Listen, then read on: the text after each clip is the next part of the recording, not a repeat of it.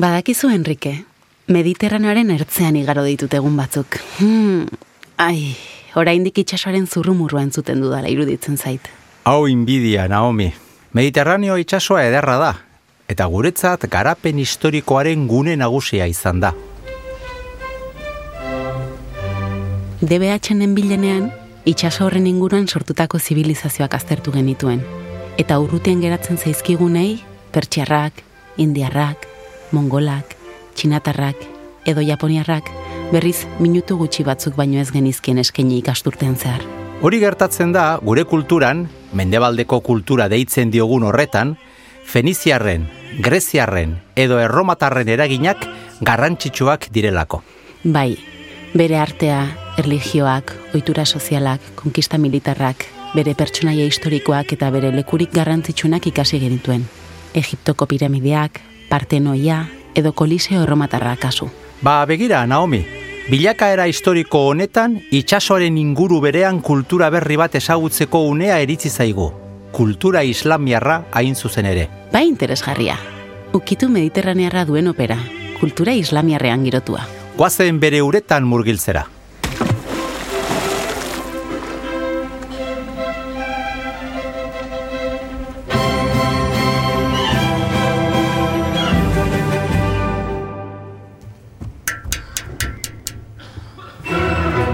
Enrique Bert Naiz eta Opera Prima podcastaren bigarren demoraldia da hau. Hirugarren atala, nota gehiegi.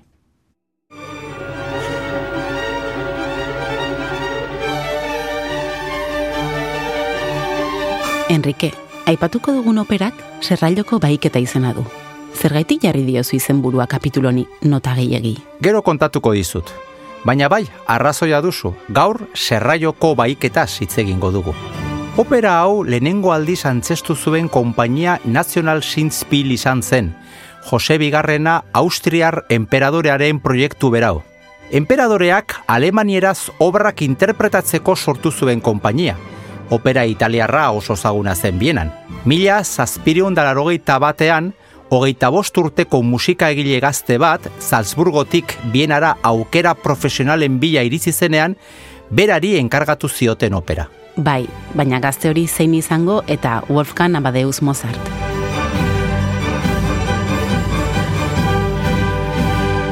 Uraxe bera, Mozarten opera hau aldi berean gauza asko da.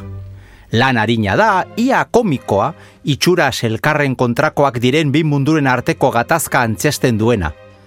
Mundu kristaua, operako bi bikoteek antzestua, eta mundu musulmana, patxa selimek antzestua. Bitxia bada ere, opera bat izateko soilik hitz egiten duen pertsonaia da. Eta osmin, bere guardiako burua eta izaki patetiko bezain simplea. Bi bikoteek, bi klase sozial ordezkatzen dituzte. Belmonte eta Konstantz nobleak dira, garrantzitsuak, eta beraiei dagokie estena handiak abestea, zailtasun teknikoz beteak, eta estilo klasiko egoki eta dotorea eskatzen dutenak. Bigarren bikotea bi morroiek osatzen dute, pedrilok eta blondek, eta harinago abesten dute, alarde handiri gabe, eta aria laburragoekin, eta itxura informalagoarekin.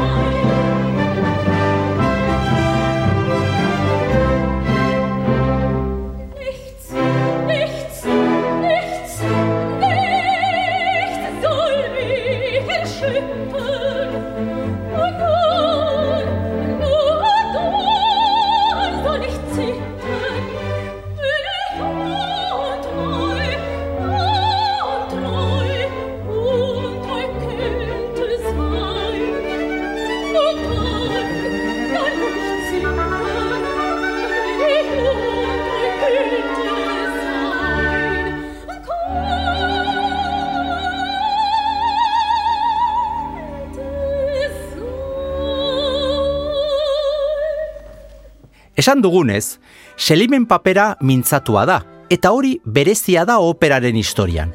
Osmin, guardiako burua, berriz, basu, sakon batentzat da. Eta horren ondorioz, kantariaren eskuartzeak aparteko gaitasuna eskatzen du nota abisaletara iristeko, zailtasunez beteetara. Ez da kasuaitatea, operako gaiztoa, basatia eta inkontzientea, basu batentzat izatea. Lau kristauak, tenore eta sopranoak diren bitartean. Horrela, sopranoen, Konstantza eta Blonderen arteko muturreko ahots kontrastea lortzen da. Nota oso zorrotzak eta konplexutasun handikoak dituena. Eta osmin basua eskalaren beste aldean muturreko notak dituena. Eta oso gutxik eskura ditzaketen notak dituena.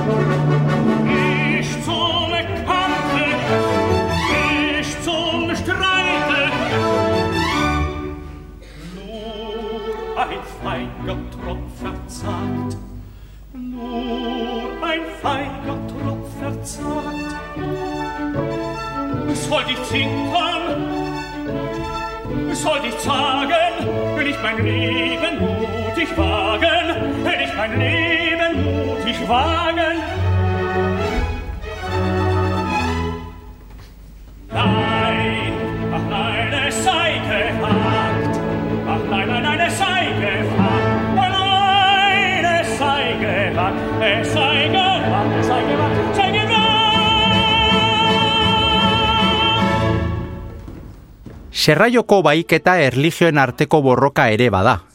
Mozarten garaian, musulmana zen oro ia ez ezaguna zen, behar bada propio. Eta beldurra sortzen zuen erdiaroko gurutza den garaiko gerra amaigabeen aurreko historiaren kontuagatik. Eta elkarren aurkako erligioen gaitxezpenagatik. Ez dut uste kontua asko aldatu denik.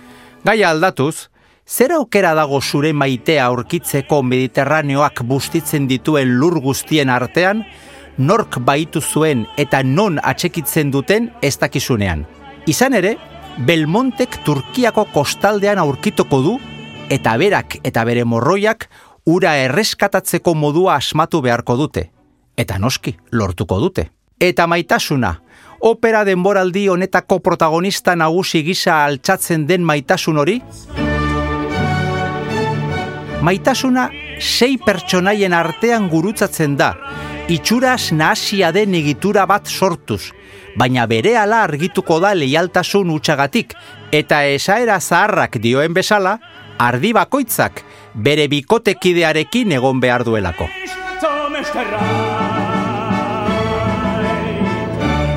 Belmonte eta Konstantz baiketaren unean konprometituta zeuden, baina behin gatibu, Konstantzek selimen maitasun proposamenak baino ez ditu jasotzen. Bien bitartean, osminek blonderi eutxi dio, zeinari jauregi osoan zehar eraso egiten dion, neskame kristauak etengabe arbuiatzen duen arren.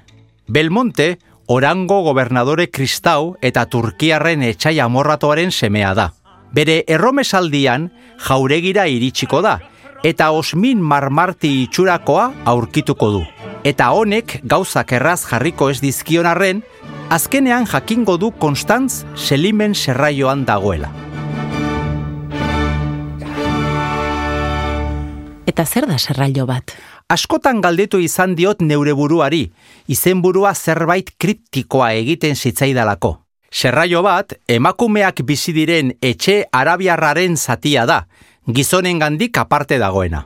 Ze ondo, aremaren sinonimo gisa ere uler daiteke, eta horrek beste esan nahi bat hartzen du.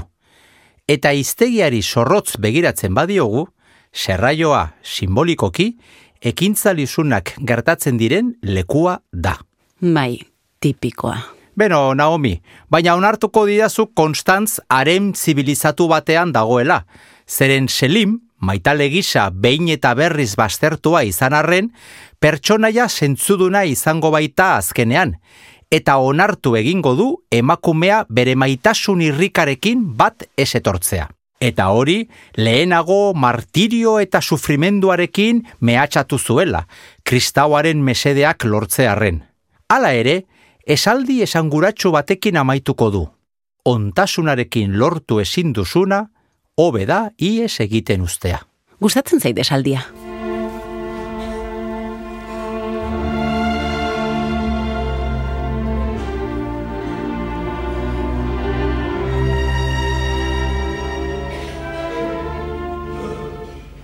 Serraioko baiketa lanean, itxaso bera menperatzeko borrokan ari ziren bi estaturen arteko liskarra aurkituko dugu.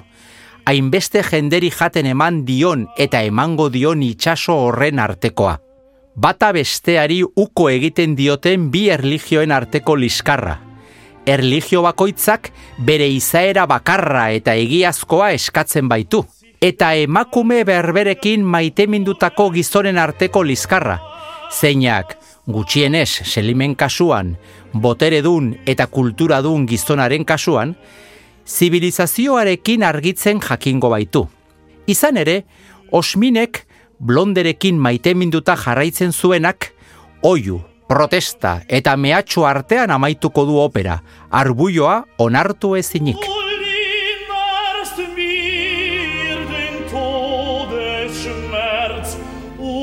Und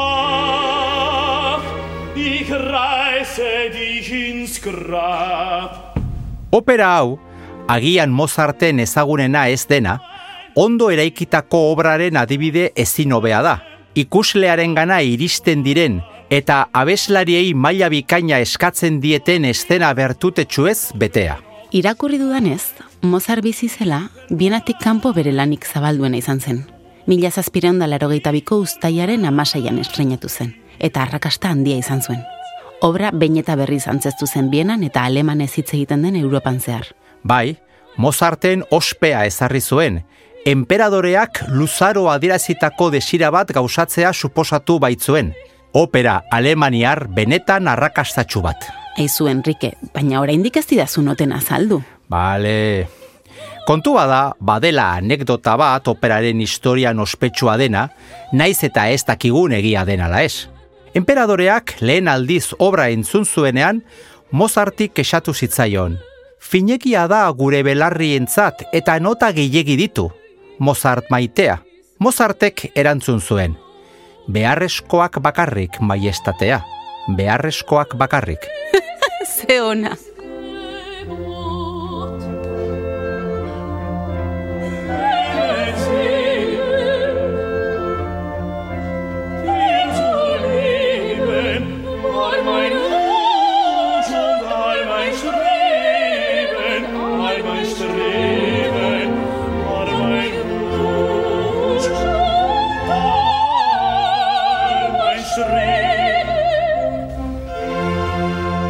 Urrengo atalean, Giuseppe Verdiren Rigoletto aztertuko dugu.